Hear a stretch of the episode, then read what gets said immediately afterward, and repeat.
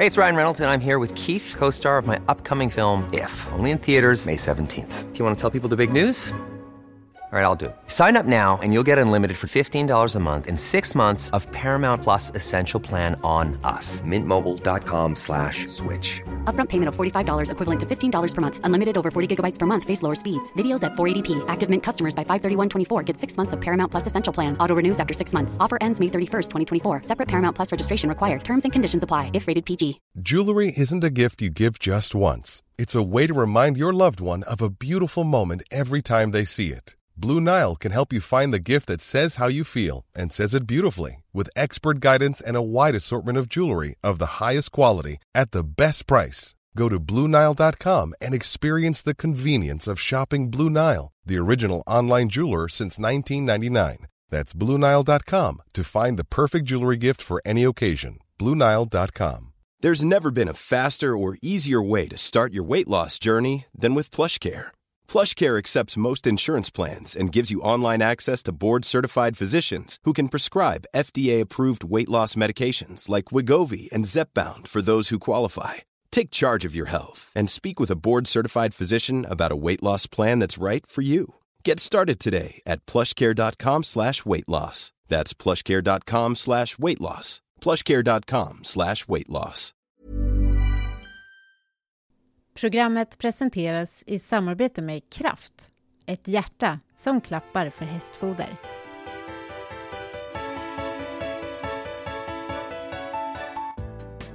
Idag är det såklart guldfeber i OS-poddens sista avsnitt efter det svenska guldet. Vi tittar också bakåt och har plockat ut en del godbitar från de tidigare avsnitten. Men först tar Ridsports medarbetare Kim Lundin, som har varit på plats i Tokyo, med oss tillbaka till OS-arenan.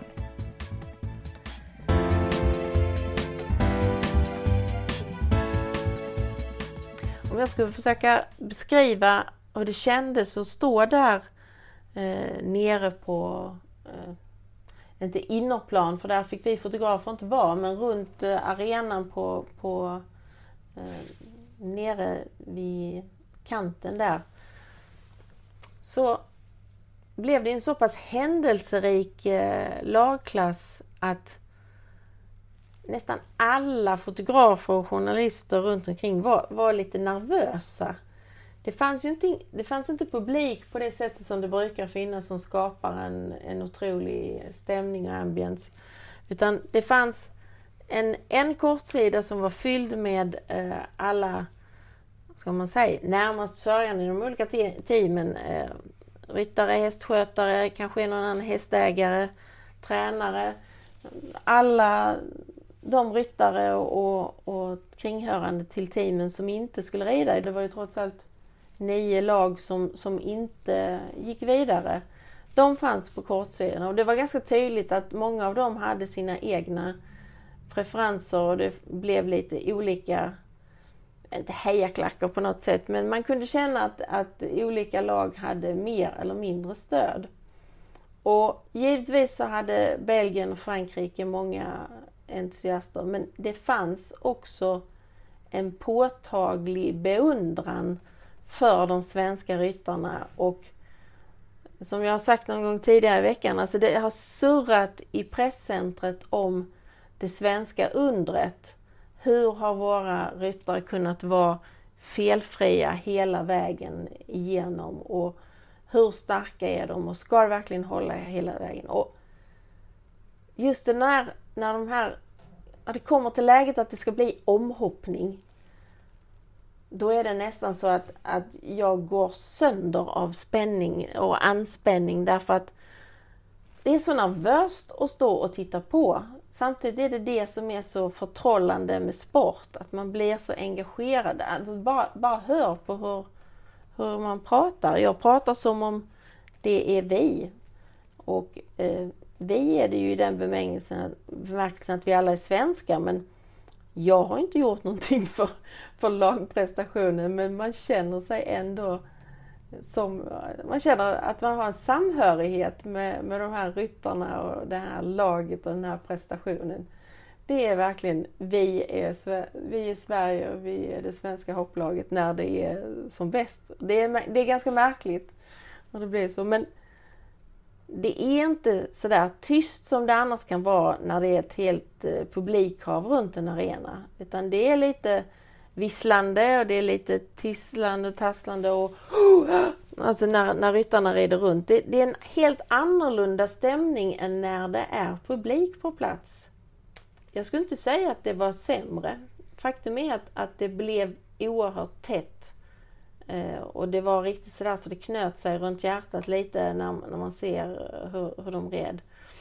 Och jag tror att den här halva delen på Peders sista ritt där, jag tror inte jag andades överhuvudtaget. Utan när han kommer ur den här tvåkombinationen på diagonalen och så gör den här tajta, tajta svängen upp över muren. Och jag hör, jag ser hur, hur eh, förbundskaptenen och de andra i Kiss and Cry-hörnan eh, så, så, så liksom står och gungar med och det visslas och det, det ges på alla sätt indikationer på att öka, öka, öka. Och när man tror att det inte är möjligt att Allan och Peder ska kunna ta ut galoppsprången ännu mer så gör de det. De flyger över den där också som var hinder nummer 17 och klarar svängen ut och avslutar på den här körsbärsoxen och bägge, det ser ut som att både häst och ryttare verkligen liksom fäller sig ner över mållinjen. Och sen ser jag bara hur eh, hela svenska teamet i Kiss and Cry hoppar upp och ner och studsar runt. Jag, jag skriker rakt ut. Jag vrålar eh, till alla de andra fotograferna att We av champions! Sverige har vunnit, vi, vi har guld! Och det tyckte väl kanske inte alla var jätteroligt. Eh, sådär. Men i alla fall, så var det den här eh, stoltheten som man känner som nästan spränger bröstkorgen, den var massiv. Jag är inte särskilt nationalistiskt lagd överhuvudtaget. Men det här, det känns ända in i hjärteroten som någonting man kan vara oerhört stolt över. Det har ju varit ett antal sådana här situationer tidigare också. Eh, vi hade VM i Tryon där, där Sverige gjorde omhoppning mot eh, USA och fick eh, hem en silvermedalj. Det var oerhört spännande då också och då blev McLean Ward övermäktig för oss. Och han var ultrasnabb i, idag också men, men Peder och Allan var snabbare. Eh, när det var OS i Aten och både Malin och Peder red i laget tillsammans med Rolf-Göran Bengtsson och Peter Eriksson så var det också väldigt tät stämning på läktaren. Då red ju Sverige omhoppning sa, inte om guldet utan om eh, silver tror jag. Och det var nagelbitar nagelbitare det också och jag vet att jag var så glad och stolt över den medaljen att jag faktiskt grät en skvätt. Idag grät jag inte, idag blev jag bara alldeles tyst. Alltså det, var, det fanns inte ord att beskriva hur fantastiskt det här kändes och hur fantastiskt det har varit att få se denna prestation växa fram på plats. Det må vara så att, att eh, det inte räknas ett sammanlagt resultat men i allas ögon så är de svenska ryttarna guldmedaljörer från A till Ö.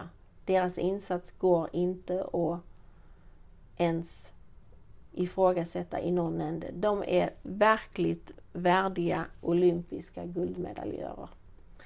Om man ska se lite tillbaka när Rolf-Göran vann eh, tog sin medalj på OS 2008 då skapade det enorm ridsportfeber i Sverige.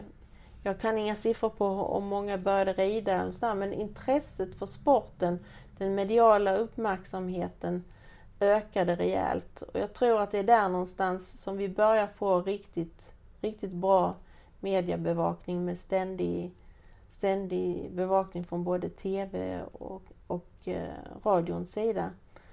Och ju mer media ridsporten får, desto större chans har den att nå fler eh, utövare, fler gräsrötter, fler som kan känna kärleken till hästen. Så på det sättet så tror jag att den här guldmedaljen den har i alla fall en teoretisk möjlighet att sprida kärleken till hästen ut i bredare lager än vad vi redan har idag i Sverige. I alla händelser, Eh, det är tre hjältar att se upp till och inte glömma den fjärde hjälten, Rolf-Göran Bengtsson, som har stöttat från marken hela, hela tiden tillsammans med lagkapten eh, Henrik Ankerkrona. Ett riktigt superteam som har varit en glädje att följa här i Tokyo. Och det var ridsports medarbetare Kim Lundin som delade med sig av sina känslor och tankar kring den svenska guldfesten i Tokyo igår. Helena Lundström, OS-poddens hoppexpert här. Eh, en makalös avslutning på detta OS. Spontant, vad, vad tänker och känner du nu? Alltså, det är ju knappt så att man har hunnit börja andas igen e-, efter detta. Och det, en, en värdigare vinnare, eh, en mer värdig vinnare än, än det svenska laget här, det finns inte. Och det, jag tror inte det finns en enda ryttare, konkurrent av de som har varit där som, som protesterar mot det just efter svenskarnas totala uppvisning hela, hela den här OS-hoppningen. Och, och, man fick en, en förskräcklig puls där när, ja, framförallt när Peder rev sista hindret mm. och kände så här, och det blev omhoppning. Att Penelope som skulle gå sist ut i franska laget inte skulle sätta nollan, det, Alltså jag hade blivit otroligt förvånad om hon hade gjort det. Hon hade, även ett fyra lottafelsresultat hade nog varit bra för den, den har inte sett tillräckligt stabil ut för att den skulle vara ett riktigt hot. Däremot så gjorde ju hennes lagkamrater en väldigt bra insats med bara ett tidsfel var där.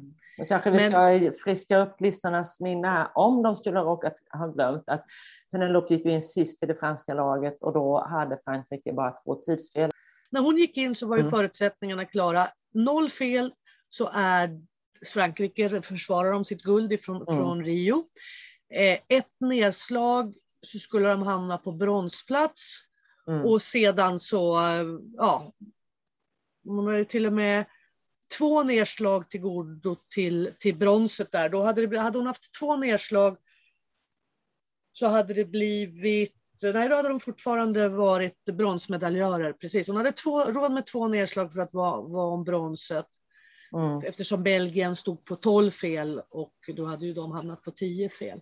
Nej, man kan fundera lite grann på coachningen där eh, känner jag. Sätta henne sist som inte hade haft något jättebra eh, OS so far. Men, men i det läget när Peder då river sista, man vet att USA har alltså en felfri runda i form av Laura Kraut och två fel, eller fyra felsrundor av Jessica Springsteen och McLean Ward.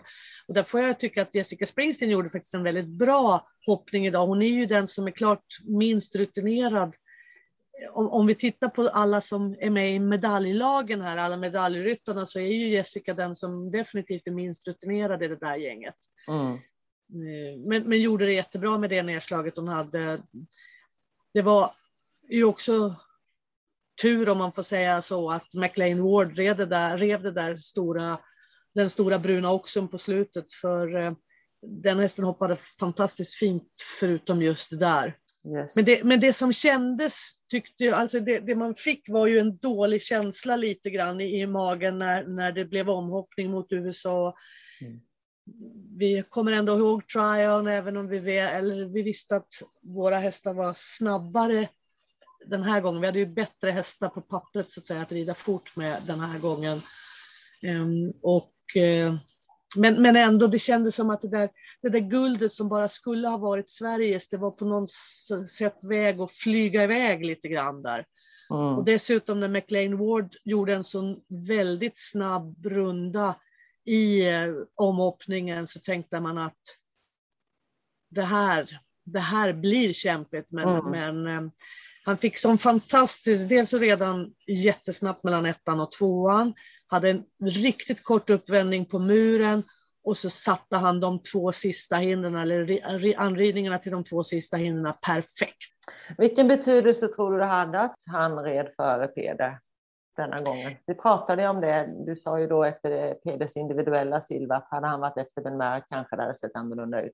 Jag tror att det har betydelse för att eh, de här, de här eh, ryttarna är så himla skickliga. De vet hundradelarna. De, han, han såg ju han kunde ju liksom se var, var eh, alltså dels så kunde han ju jämföra då McLean Wards tid med till exempel Henriks och Malins tider, vilket gjorde ju att han hade en idé om att han, han vet ju hur mycket snabbare han är än de två. Mm. Och då, på det viset så kunde han ju få en känsla av hur fort han behövde rida eller hur mycket han måste chansa för att faktiskt vara den där vara inom den där tiden som han, han, han visste ju vad som gällde. 40-31 var det väl som eh, var hans, det var deadline så att säga. Redan på mm. 40-31 eller snabbare så, så, var guldet Sverige. Så jag är helt säker på att, att det hade stor betydelse. Mm. Och då var ju det här då, ja, med kvalet till Sverige vann det och, och fick en bra position och sådär ändå. Det hade betydelse för att man utgick, i omhoppningen så hade du ju den ursprungliga startordningen så, så behöll du den. Så ja. det, absolut, det hade, det hade betydelse. Mm. Så det är klart att, att just det här att eh, Sverige gick in som tionde lag i tävlingen fick till slut en, en avgörande betydelse för det hela. Det finns ju en häst som har varit felfri genom hela det här olympiska spelet och det är ju Henrik von Eckermans eh, partner där, King Edward som kom in som en ersättare för Mary Lou har man väl ändå fått intrycket av och som verkligen, verkligen har steppat upp och utvecklats. Ja, det, det är nästan nästan ett, exakt ett år sedan Henrik satt, eller tävlade honom första gången. Det var 20 augusti förra året och redan en 1,40 hoppning med honom i Saint-Tropez. Och, och sen så har han hunnit med ett tiotal 1,60 hoppningar, matchat den klokt, ridit in sig på den. Han fick ju egentligen ta över den då när, när Jannica Sprunger eh, väntade barn. Eh, mm. Och sen så har, har de ju gjort den här lösningen att han har fått fortsätta att rida den. Och ja, det, det är, alltså, King Edward har inte alls den rutinen som ja, framförallt då i svenska laget All In och, och, Indiana har. Men även en hel del av de andra hästarna har också betydligt mer rutin i de här största klasserna. Men det, det märktes inte och framförallt måste jag ju säga att Henrik har ju han har ju varit så nära att lyckas nu och han var så besviken efter den där fjärde platsen i, i individuellt i tisdags då. Mm. Så det var så, så himla roligt att han faktiskt kunde få hålla nollan hela vägen. Och den nollan blev ju väldigt, väldigt betydelsefull för den gav ju Sverige den där starten som man ändå behövde. Mm. Och gjorde att det här höll hela vägen. Mm. Vi kan ju berätta att Eh, King Edward då är ett belgiskt varmblod. Han är efter Edward 28 och eh, morfar är Feo. Eh, och ägs då av det här Dufour Stables och Henrik von Eckermann tillsammans. Han är 11 år, King Edward då, så det är ju... Det kan det vara lite försäljningsvarning kanske? Jag hoppas inte det jag hoppas att, att de har möjlighet att behålla honom för att eh, han kan mycket väl upprepa ett, eh, alltså, göra som All In gjorde, det vill säga vara med i en OS-final. Ja, förhoppningsvis tre år då ska det bli. Mm. Paris. Paris där. Mm. Och, och, rätt matchat så, så, finns det ju, det finns ju VM och allt möjligt. Och den, alltså Henrik och King Edward skulle mycket väl kunna vinna ett VM individuellt också, för så bra är de. Och lite mer rutin här nu, eller nu har de ju liksom fått den här mästerskaps, känna på den här mästerskapsrutinen och, och visat att han håller hela vägen över flera rundor och, och, och så. så att, och det är ju så att inga andra har hoppat så många rundor som svenska hästarna har gjort och inga andra hästar har dessutom gjort det med så få fel som de svenska hästarna har gjort. Nej. Vilket är bara, bara det är sjukt imponerande. Ja. Och det, de har ju i de här intervjuerna, man har sett lite på tv och så, så har de ju alla tre verkligen hyllat hela teamet omkring sig, både på plats i Tokyo och, och hemma. Och jag hörde då en intervju med den svenska truppledaren för ridsporten, Jogge Breisner, där som sa att det här är verkligen en lagmedalj. Och då menade han ju att det, är även, att det är så många andra runt omkring som har haft stor betydelse för, för de här tre ryttarna. Nej, men de, det är det är ju, jag menar, vi ser ju resultatet. De har ju kunnat förbereda sig på absolut bästa sätt, för annars hade de inte kommit hit i det skicket som de är, så att säga. Utan, och de har ett härligt go, de har en, en fantastiskt bra plan för allting. Eh, de vet, som Henrik sa, att de redan innan var inställda på att det kunde bli omhoppning, så de var förberedda på omhoppningen, de visste hur de skulle agera. Så att man, det, det känns som att här har man man har tänkt på allt, man har inte missat någonting utan man, man har verkligen lyckats hela vägen och, och, även om alla, man alltid försöker gå in och ha bra planer och, och sådär, så finns det ändå, det finns ju ändå liksom det här utrymmet för att någonting kan missas lite eller det blir inte exakt som man har tänkt sig. Men, men här har det verkligen blivit som man har hoppats och tänkt och planerat för. Och då, då blir det så här bra också. Så mm. det, sjukt mycket jobb som ligger bakom. Och inte bara de här tre ryttarna och deras hästar och hästskötare utan även det team med Breis, Jogge Breisner till exempel och med Henrik eh, Anka-Krona och även övriga som, som är inblandade här i form av veterinärer och fysioterapeuter och, och, och så. Rolf-Göran Bengtsson som Rolf reserv. Rolf-Göran Bengtsson mm. som reserv, där har ju varit... Eh, det, det finns så mycket samlad rutin och man har verkligen man har verkligen satt alla delar rätt den här gången. Det här, det här var ett pussel som man löste till 100 procent på bästa, på bästa tid, så att säga. Det, det var snabbast löst pussel. Mm. Eh, två av hästarna i guldlaget, barfota, King Edward och All In. Tror du vi kommer få se en barfota-trend? Det smittar? Eh, till viss del kanske. Jag tror säkert att det är fler som, som vill prova när man ser resultaten. Det man måste komma ihåg är ju att det är inte bara att ta av skorna på sin häst och sen tro att det ska liksom bli ett bättre resultat, utan här pratar vi ju om alltså, tiondelar och hundradelar och gram och alltså, allting sånt. Så att det här är någonstans bara den här kanske den sista, sista lilla finishen. Men för att hästar ska kunna hoppa på den här nivån utan skor så, så krävs det väldigt mycket eh, skötsel och att man är noga med underlag, som man, vilket under, typ av underlag man rider dem på. Och, men också naturligtvis hästarnas hovkvalitet. Mm. Så det, jag skulle inte rekommendera någon där hemma nu att bara slita av skorna och tänka att nu kanske jag vinner en klass bara för att Nej. Peder och Henrik gör det. Utan det krävs mycket hästkunskap, mycket känslighet, mycket timing och naturligtvis också ett väldigt bra samarbete med, med en hovslagare som kan det här för att det ska fungera. Mm. Vi, om vi ska titta tillbaka lite grann på den här otroligt spännande lagfinalen då, så fick vi ju se en ryttare för första gången detta OS, och inte vem som helst, utan en tidigare världsetta. Ja, nej, men Holland, eller mm. Nederländerna då, plockade ju in Harry Smolders på Bingo du Park. Mm. Eh, istället för Willem Greve som inte hade någon riktigt lyckad dag i, i, i kvalet. Och ja, satt en, en felfri runda. Mm. Det var ju bara fyra stycken som klarade banan helt utan fel.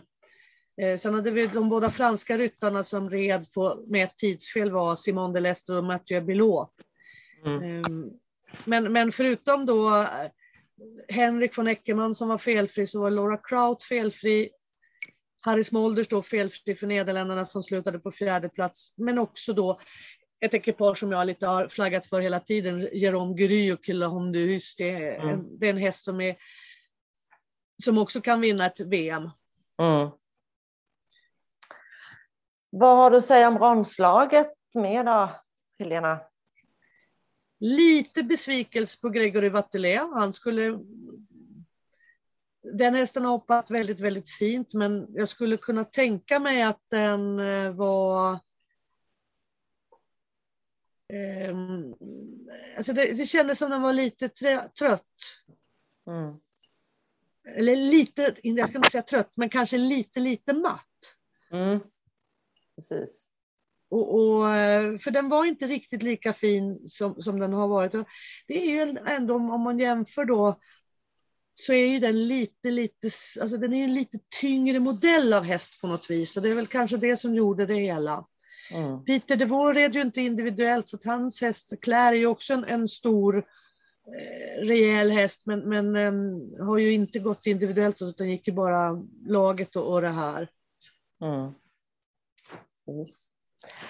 Ja, vad ska vi säga mer? Det var ju då guld till Sverige, silver till USA, brons till Belgien, Nederländerna och Holland kom fyra. Och sen hade vi Schweiz som inte hade sin bästa dag där på jobbet, eh, teamet, de första två rundorna. Ehm, Marcus Fuchs åtta och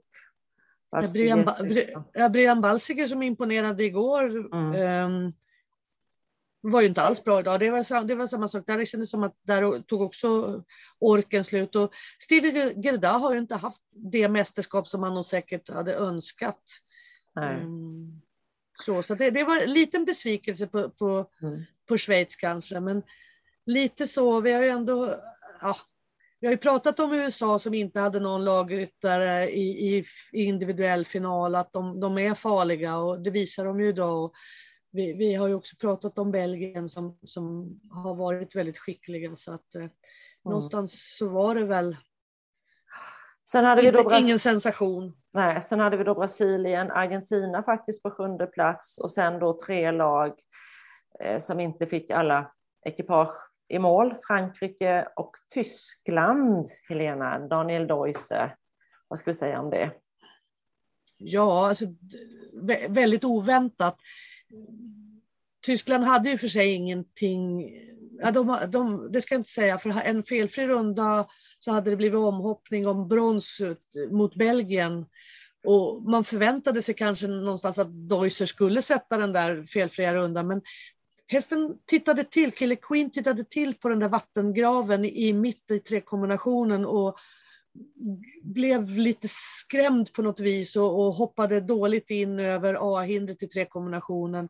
Stannade förstås på B och där är det helt rätt av Daniel att han bara går ut och klappar om sin häst. Det är ju mm. också, ska man komma ihåg, det är inte en jättegammal häst, även om den har gjort en hel del. Men den är väl tio nu, va? Den äldre. Då kan vi säga att det var ju samma hinder där som Malin Bajard Jonsson fick sitt nedslag på. Indiana gjorde ju lite likadant, att hon, eller inte likadant som Royces häst, men hon tittade ju till på mattan och mm. frös lite och så kom det ett nedslag. Ja, för det var ju, det var ju en sån här, alltså vanlig inom citattecken matta, men den var ju nergrävd och med vatten i, så att det, det blir ju lite annorlunda än, än de här vattenmattorna som ligger ovanpå. Mm. Så att, att uh... mm. Och så Storbritannien då eh, sist i lagfinalen. Tia. Det, det, det, är ju så, om vi ska mm. förklara reglerna där, att, att först så rankar man ju de lag som har tre ryttare i mål. Mm. Och sen så, för man ger alltså inte fel till, eh, alltså den som är utesluten får inte en viss felpoäng, utan då rankar man dem inbördes med de, med de poängen som, som ryttarna har eh, som har fullföljt och där var ju då Frankrike bäst med sina två fel. Mm. Eh, Storbritannien börjar ju dåligt med Holly Smith. Eh, Harry Charles gjorde en helt godkänd runda. Men, men med 24 fel så fanns det ingen anledning för Ben Maher att slita på, på sin explosion. Eh, mm. För det, det var ju, medaljchanserna var ju, redan, var ju väck redan då, så det var väl helt sunt av honom att, att eh, inte gå in och rida. Mm. Om vi ska sammanfatta då, det har ju varit lite diskussioner kring det nya olympiska formatet och allting, men och det, det kommer det, forts, det kommer fortsätta vara det och det kommer utvärderas och sådär. Men det blev ju ändå ett värdigt prispodium igen. Eh, och Sverige som har varit faktiskt bäst genom olympiska spelen stod överst där när det väl absolut, gällde. Ja, men absolut. Det, det, och, och, och, det är klart, det, det, kan vi ju bara känna själva nu när vi börjar komma ner i puls och andas igen, att det blev ju fruktansvärt spännande.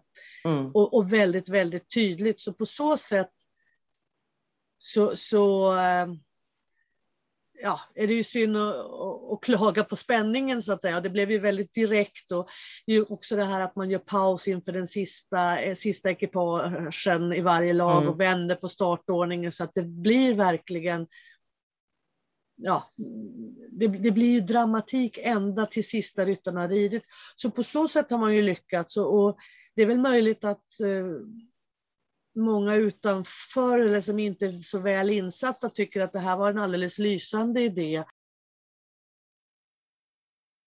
Programmet presenteras i samarbete med Kraft, ett hjärta som klappar för hästfoder.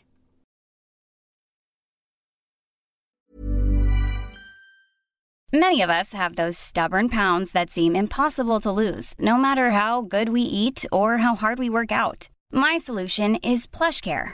PlushCare is a leading telehealth provider with doctors who are there for you day and night to partner with you in your weight loss journey. They can prescribe FDA-approved weight loss medications like Wagovi and Zepbound for those who qualify. Plus, they accept most insurance plans. To get started, visit plushcare.com slash weight loss. That's plushcare.com slash weight loss. Hiring for your small business? If you're not looking for professionals on LinkedIn, you're looking in the wrong place. That's like looking for your car keys in a fish tank. LinkedIn helps you hire professionals you can't find anywhere else, even those who aren't actively searching for a new job but might be open to the perfect role. In a given month, over 70% of LinkedIn users don't even visit other leading job sites. So start looking in the right place. With LinkedIn, you can hire professionals like a professional. Post your free job on linkedin.com slash people today. Hey, Dave. Yeah, Randy. Since we founded Bombus, we've always said our socks, underwear, and T-shirts are super soft. Any new ideas? Maybe sublimely soft. Or disgustingly cozy. Wait, what? I got it. Bombus. Absurdly comfortable essentials for yourself and for those facing homelessness. Because one purchased equals one donated. Wow, did we just write an ad? Yes. Bombas. Big comfort for everyone. Go to bombas.com slash ACAST and use code ACAST for 20% off your first purchase. Hey, it's Ryan Reynolds, and I'm here with Keith, co star of my upcoming film, If, only in theaters, May 17th. Do you want to tell people the big news? All right, I'll do. it. Sign up now and you'll get unlimited for $15 a month in six months of Paramount Plus Essential Plan on us. Mintmobile.com slash switch. Upfront payment of $45 equivalent to $15 per month. Unlimited over 40 gigabytes per month. Face lower speeds. Videos at 480p. Active Mint customers by 531.24 get six months of Paramount Plus Essential Plan. Auto renews after six months. Offer ends May 31st, 2024. Separate Paramount Plus registration required. Terms and conditions apply if rated PG. Planning for your next trip? Elevate your travel style with Quince. Quince has all the jet setting essentials you'll want for your next getaway, like European linen, premium luggage options, buttery soft Italian leather bags, and so much more. And is all priced at 50 to 80% less than similar brands. Plus, Quince only works with factories that use safe and ethical manufacturing practices. Pack your bags with high-quality essentials you'll be wearing for vacations to come with Quince. Go to quince.com/pack for free shipping and 365-day returns.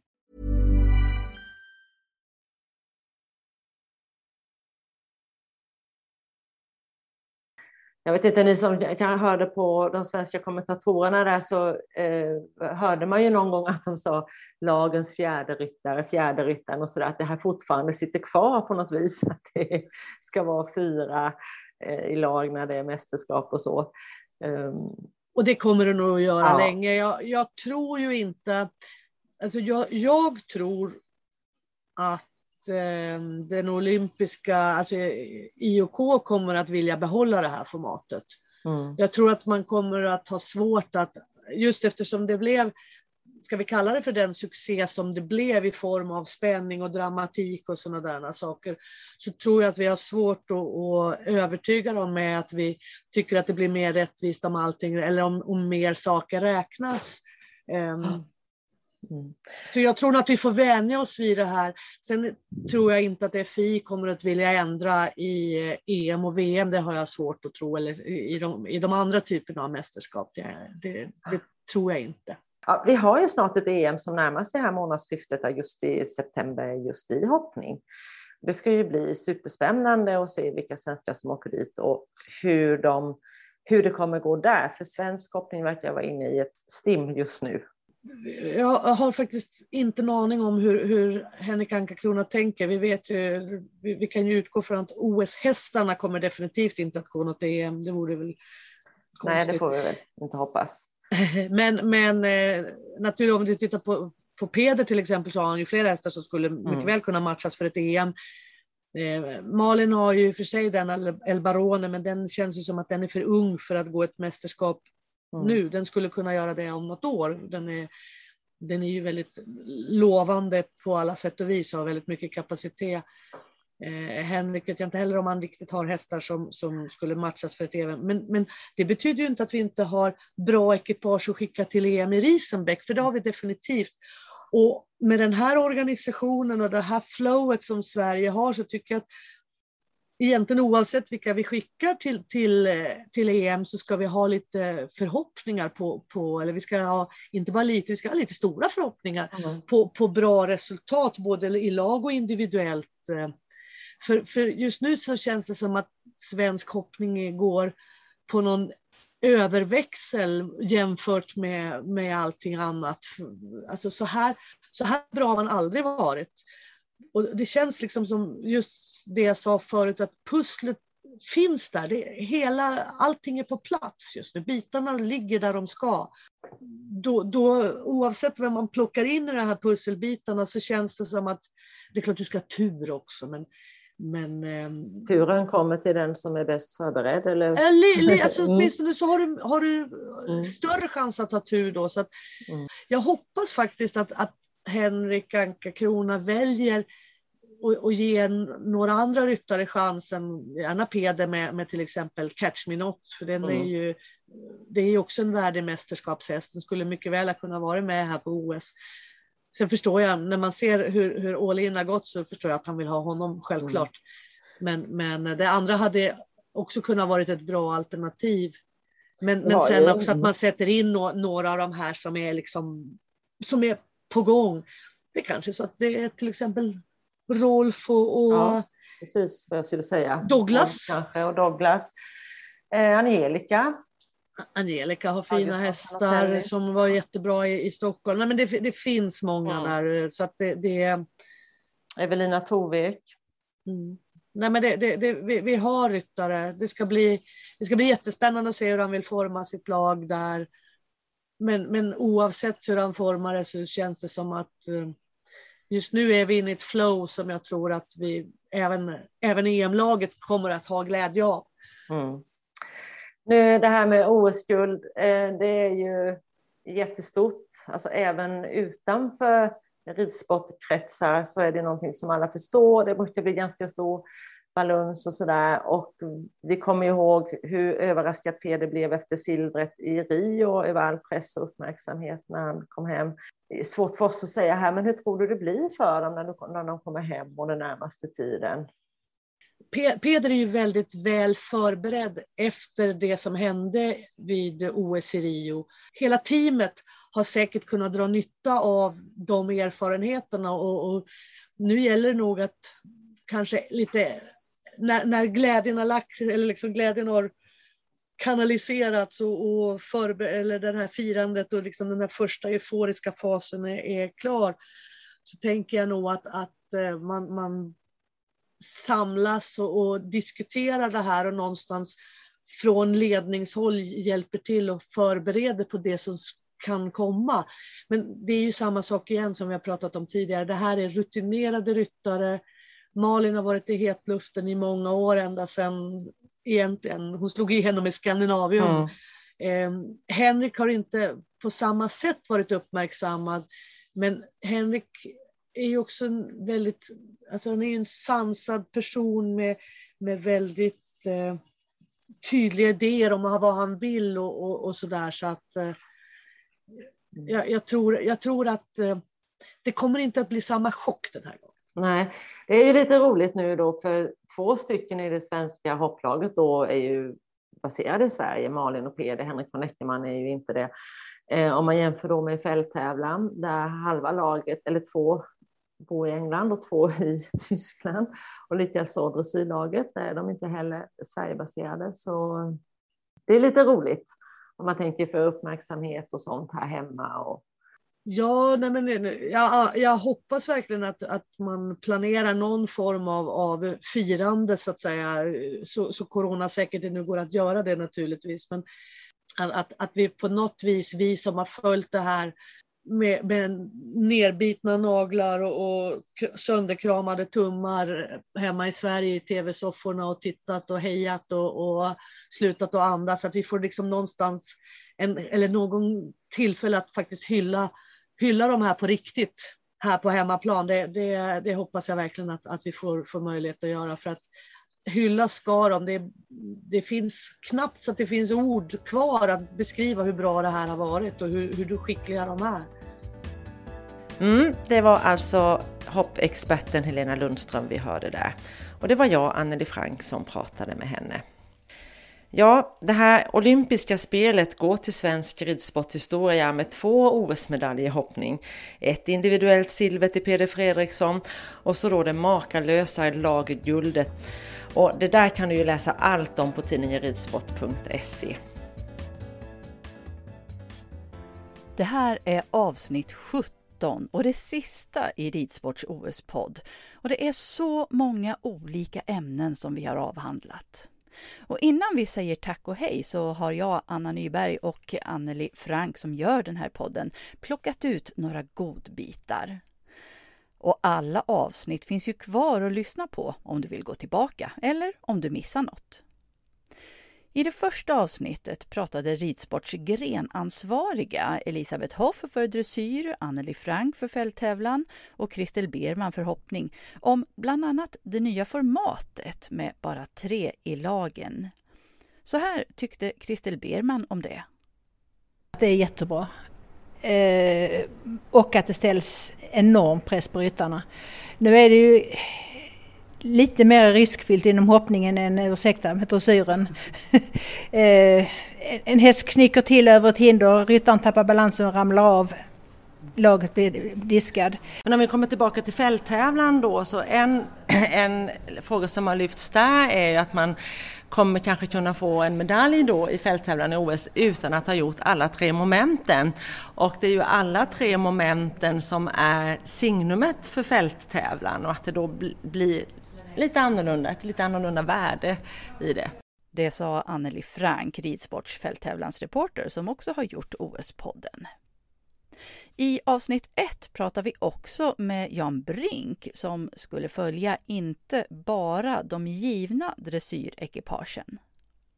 Jag tycker det är rätt kul att se även, även andra nationer som kanske inte är på toppnivå, inte bara gå in och se de bästa ryttarna utan även se vad som händer runt omkring eh, eh, toppnationerna.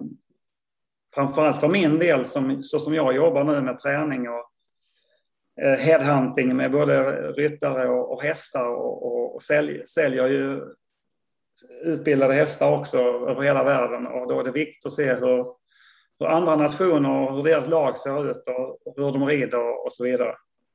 Har du några slags intressen i OS? Är det någon häst du har sålt eller ja, någonting sånt?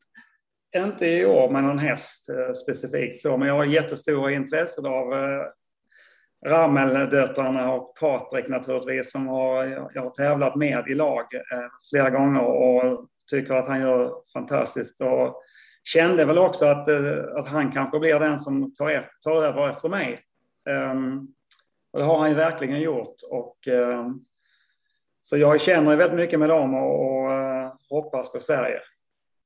Peter Ljungkrans skriver om avel i ridsport och han har studerat härstamningar på OS-hästarna. Här pratar han om den dominerande dressyrhingsten. Detta är från avsnitt två. Den som har flest är ju då gamla Sandro Hitt som faktiskt är hela 28 år men fortfarande lever och så vitt jag vet verksam i avel fortfarande. Det var han och jag kontrollerade också. Ja, mm. ja bra. Och han ägs av Paul Tjockemäde. Han har hela fem avkommor med och eh, han har också eh, tre, åtminstone tre stycken söner som har avkommor representerade. Det är då så Donna Halsandremo och Sanna Mor som är tre stycken av, eller söner till Sandro Hitt. Han eh, har faktiskt den här Sandro Hitt eh, nästan 200 godkända avelshingstar i eh, Tyskland. Vilket ju är helt fantastiskt. Och eh, det är ju så lite grann när det gäller Sandro Hytt att det, det delar folk i, i, två delar kan man säga.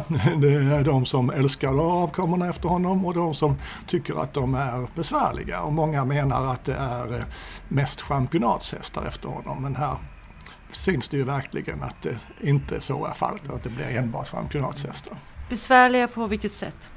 Ja, att, de är, att det krävs duktiga ryttare. Att de är liksom rätt så högt i nerv och eh, ja, att, det krävs att man är en skicklig ryttare som klarar av att managera dem och eh, kunna eh, få dem att göra sitt bästa och verkligen koncentrera sig på det de ska när de är inne på, mm. på dressyrbanan. Leanne Wachtmeister var med oss under hela dressyren och kommenterade. Här berättar hon i avsnitt 6 om en ritt som verkligen fick henne stum. Alltså Isabelle Werts eh, ritt var ju helt makalös. Jag eh, sitter med papper och penna och skriver små kommentarer om alla ryttarna och när hon avslutade med sin sista medellinje med piaffen och passagen, då tappade jag pennan i hänförelse. Nästa gren var fälttävlan och i samband med det fick vi möta Marina Nilsson som berättade i avsnitt 10, intervjuad av Anneli Frank, om hur det var att vara hästskötare på OS i Hongkong 2008 och i London 2012. Och vi blir som ett team, alltså vi, är, vi blir bästa kompisar. Du och hästen? Hästen ja, vi, vi blir liksom ett man ryser nästan för man är liksom, det är han och jag. Och, och jag gör allt för att han ska må bra och, och, han eh, gör allt som jag vill att han ska göra förhoppningsvis. Äta och kissa och, och, och, och, och bajsa och dricka framför allt. Och, och så. Nej, det, det är en, en, en fantastisk känsla. Och titt kvittar vilken häst man är. Jag har ju haft hästar som jag inte har känt innan eller så och skött om. Och alla hästar, man, man skapar en relation. Så det är Eh, det, det, är en, en, fantastisk känsla. De får dem till att, och, och få förtroende för en så att de följer med överallt. Det ska tempas och det ska vägas och det ska gås en hit och en dit. Och de måste ju ha förtroende för en för att man ska kunna ha dem och må dem så, så bra som möjligt. Man kan inte alltid hålla med om allt ryttaren gör som rätt. Man, då får man göra lite bakom ryggen. Så, för det, det kan vara felbeslut när man är stressad och nervös kan jag säga. Linda Algotsson kommenterade fälttävlan med all den förvirring som den innehöll när Sara Algotsson Ostholt skulle ersätta Ludvig Svennerstål i terrängen men aldrig ens startade efter att Louise Romeike och Therese Wiklund blivit uteslutna och sen det ändå visade sig att svenskarna hade möjlighet att rida den avslutande banhoppningen. Här har vi ett litet utdrag från avsnitt 11. Hela taget så har det känts som att Sveriges det har varit lite förvirrat både här och där och om man ska rida eller inte rida och, och, in, och hit och dit och liksom inte varit någon tydlig plan. Så att eh, eh, då blir det ju resultat därefter. Skillnad mot en vanlig fälttävlan och en OS-fälttävlan är ju att det är en andra banhoppning efter den ordinarie hoppningen så att säga. Så hästarna är ju inte alls vana vid att eh, ladda om och komma in en runda till. Man, hästarna tror ju såklart att de är färdiga efter första rundan och eh, det är ju inte, blir inte så lätt att ladda om och, komma ut på kvällen och göra en, en felfri runda till. Jag ihåg när jag red i Hongkong i OS och eh, jag hade ju Stand By Me. Vi gjorde en eh, fin första hoppning, felfritt. Och sen ställde vi in honom i stallet och sen klockan nio på kvällen så skulle vi ut en runda till. Och Bullen som, vi, som han kallades för, han, han bara tittade på mig och min hästskötare Marina och undrade Alltså är det på riktigt? Menar ni allvar? Ska, ska, ska vi inte åka hem nu? Alltså det, det kändes verkligen inte okej att släppa ut honom på en runda till och att han skulle prestera. Men vi tog oss samman och han hoppade alldeles strålande sista rundan. Vi hade ett driv på en vattenmatta men annars ett superbra OS. Linda Algotsson blickade tillbaka och en som blickade bakåt ännu längre det var Jana Vannius, förbundskapten för svensk hoppning under många år. Och han berättade i avsnitt 15 hur OS-banorna har förändrats genom åren. Det låter märkligt, men under många, många år framåt, en 10-12 årsperiod, så var den banan som var i Montreal den största som hade byggts. Alltså i storlek. Det var små eh, sommarhus som stod där inne. Sen har banorna blivit mycket mera, som jag tycker, hästvänliga. Mera lättare bommar, lättare skoller. Eh, helt annan struktur på bansträckning och hinder som har utvecklat sporten enormt. och som i sin tur har utvecklat hästaven. För man behöver ha helt andra hästar nu än vad man behövde ha då. Och eh, det har bara varit till godo hur den här banbyggnationen har utvecklats. Det tycker jag. Det, det har ändrat hoppsporten i grunden. De bästa OS jag har varit med på alltså då va. Tre, fyra, fem, sex, sex stycken så tycker jag det är Barcelona och Sydney. Det var fantastiska hur hela Australien, när det var i Sydney, stod upp för det där. Och jag läste sen om att eh, funktionärer och så vidare där då efter OS, de fick psykologhjälp för de var lite deppade över att hela den här fantastiska festen i Australien var slut. Det var ett underbart OS det där i, i eh, Sydney. Mm. Det var i Atlanta. Vi låg eh, där hade vi till exempel Malin red sin första nationshoppning i någonsin i OS. Hon debuterade i OS och gjorde en fantastisk insats där. Vi låg fyra med snudd på medalj efter först, när vi hade ridit första omgången och eh, två ryttare i andra omgången. Och sen rasade det. Det, det, var, det var, eh, då kunde jag inte gå ut med laget för då var jag, då, jag, jag har inte lätt för att bli deppad men då var jag lite deppad den kvällen. Men, men det tog du upp nu där jag nästan förträngde. Vi har hört flera berätta OS-minnen. Ridsports fotograf Roland Thunholm berättar vad som hände i Hongkong 2008. Detta skedde i avsnitt 9. Eh, Hongkong var väl där vi hade någon eh, dressyrdomare som eh, trillade av stolen. Va? Ja, jag vet inte, jag tror, jag tror att han somnade. Eh, eller, svi eller svimmade i värmen kanske? Ja, möjligen det. Under en... Eh, jag tror att det var en svensk ryttare som var inne då. Tine. Ja. Var det Tine som red? Mm. Ja, okej. Det var Tine Wilhelmsson som red då. Mm. Och då trillade han av stolen in i domartornet. Och det var väl kanske lite förvånansvärt. Mm. Mm. Man vet ju inte vad som har hänt egentligen. Nej. Vad minns du från Hongkong, eh, Sara? Sista tävlingsdagen, den var för mig fullständigt kaotisk. Dels hade jag för många uppdragsgivare, så jag hade tre som jag skulle leverera saker till. Och då händer det här med att vi går banan och då säger någon eh, kollega från Irland till mig att du, eh, vänta nu, det kommer att hända saker. Det kommer ett dopningsfall. Jaha, sa jag. Och vad handlar det om? Jo, det är en irländsk ryttare som har eh, konsumerat för mycket alkohol. Och då så tänkte jag, nej men det här stämmer nog inte.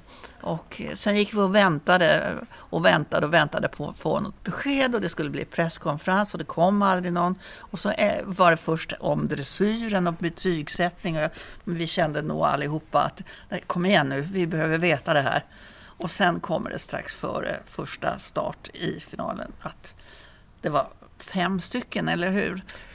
Som eh, hade fällts för att ha kapsaicin. Mm i kroppen på sina hästar. Var det så många som fem? Jag har tre i huvudet men jag kan ha fel. Jag tror att det var fem. Ja, det var flera stycken i alla ja, fall och det var inte vilka som helst. Nej det var inte det för det var Rodrigo Pessoa bland annat och så var det eh, allas får eh, en av de främsta irländarna.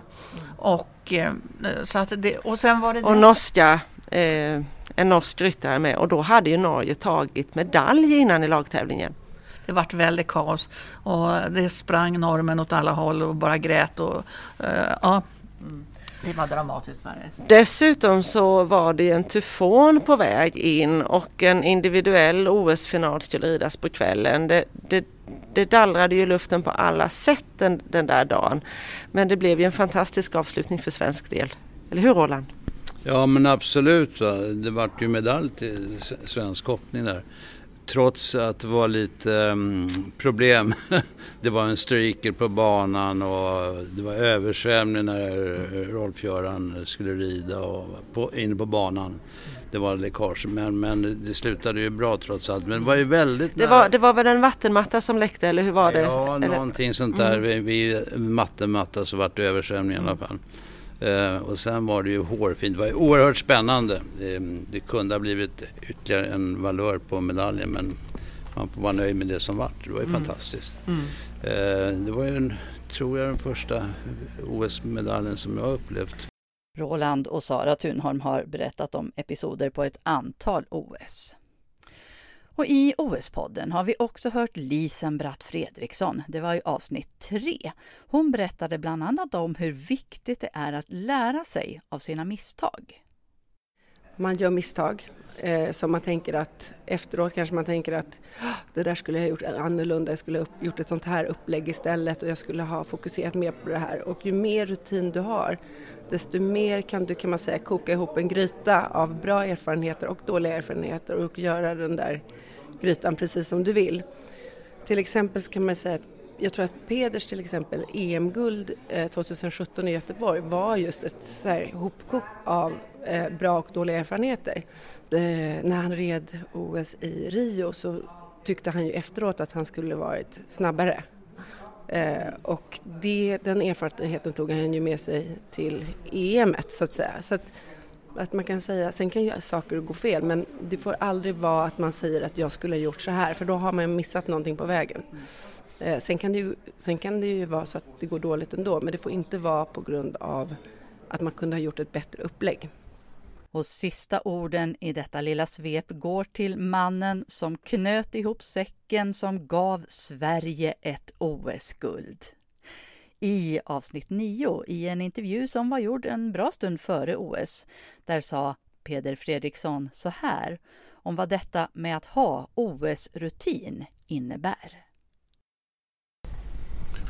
Det innebär egentligen att eh, dels att man lär, lär sig hur man ska förbereda sig eh, och sen hur man hittar nycklar att kunna leverera under press. Och måste man ha ridit ett OS för att verkligen kunna rida ett OS? Eller helst flera kanske? Nej, det ska jag inte säga men eh, det är klart att varje OS så får man ju rutin, så är det. Alltså, det du har nu framför dig är att göra något som är då toppar OS 2016, eller hur tänker du? Eh, ja, ja, hur tänker jag? jag? Jag tänker faktiskt inte så.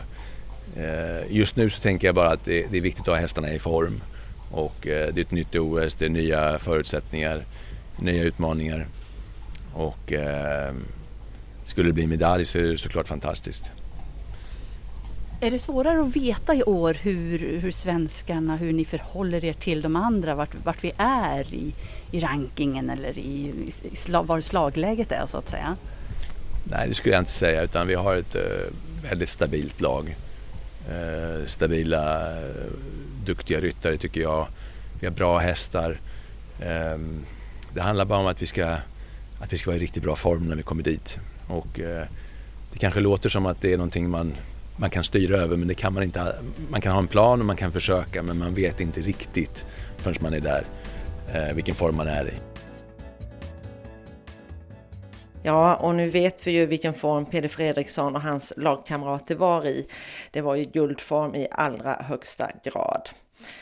Och det var Anna Nyberg som intervjuade Peder Fredriksson och det är hon och jag, Anneli Frank, som har gjort de 17 avsnitten av Ridsports OS-podd. Senaste nytt som alltid på tidningen ridsport.se och där hittar du också alla avsnitt av OS-podden. Programmet presenteras i samarbete med Kraft, ett hjärta som klappar för hästfoder. Even when we're on a budget we still deserve nice things. Quince is a place to scoop up stunning high-end goods for 50 to 80% less than similar brands. They have buttery soft cashmere sweaters starting at $50, luxurious Italian leather bags, and so much more. Plus, Quince only works with factories that use safe, ethical, and responsible manufacturing. Get the high-end goods you'll love without the high price tag with Quince. Go to quince.com/style for free shipping and 365 day returns.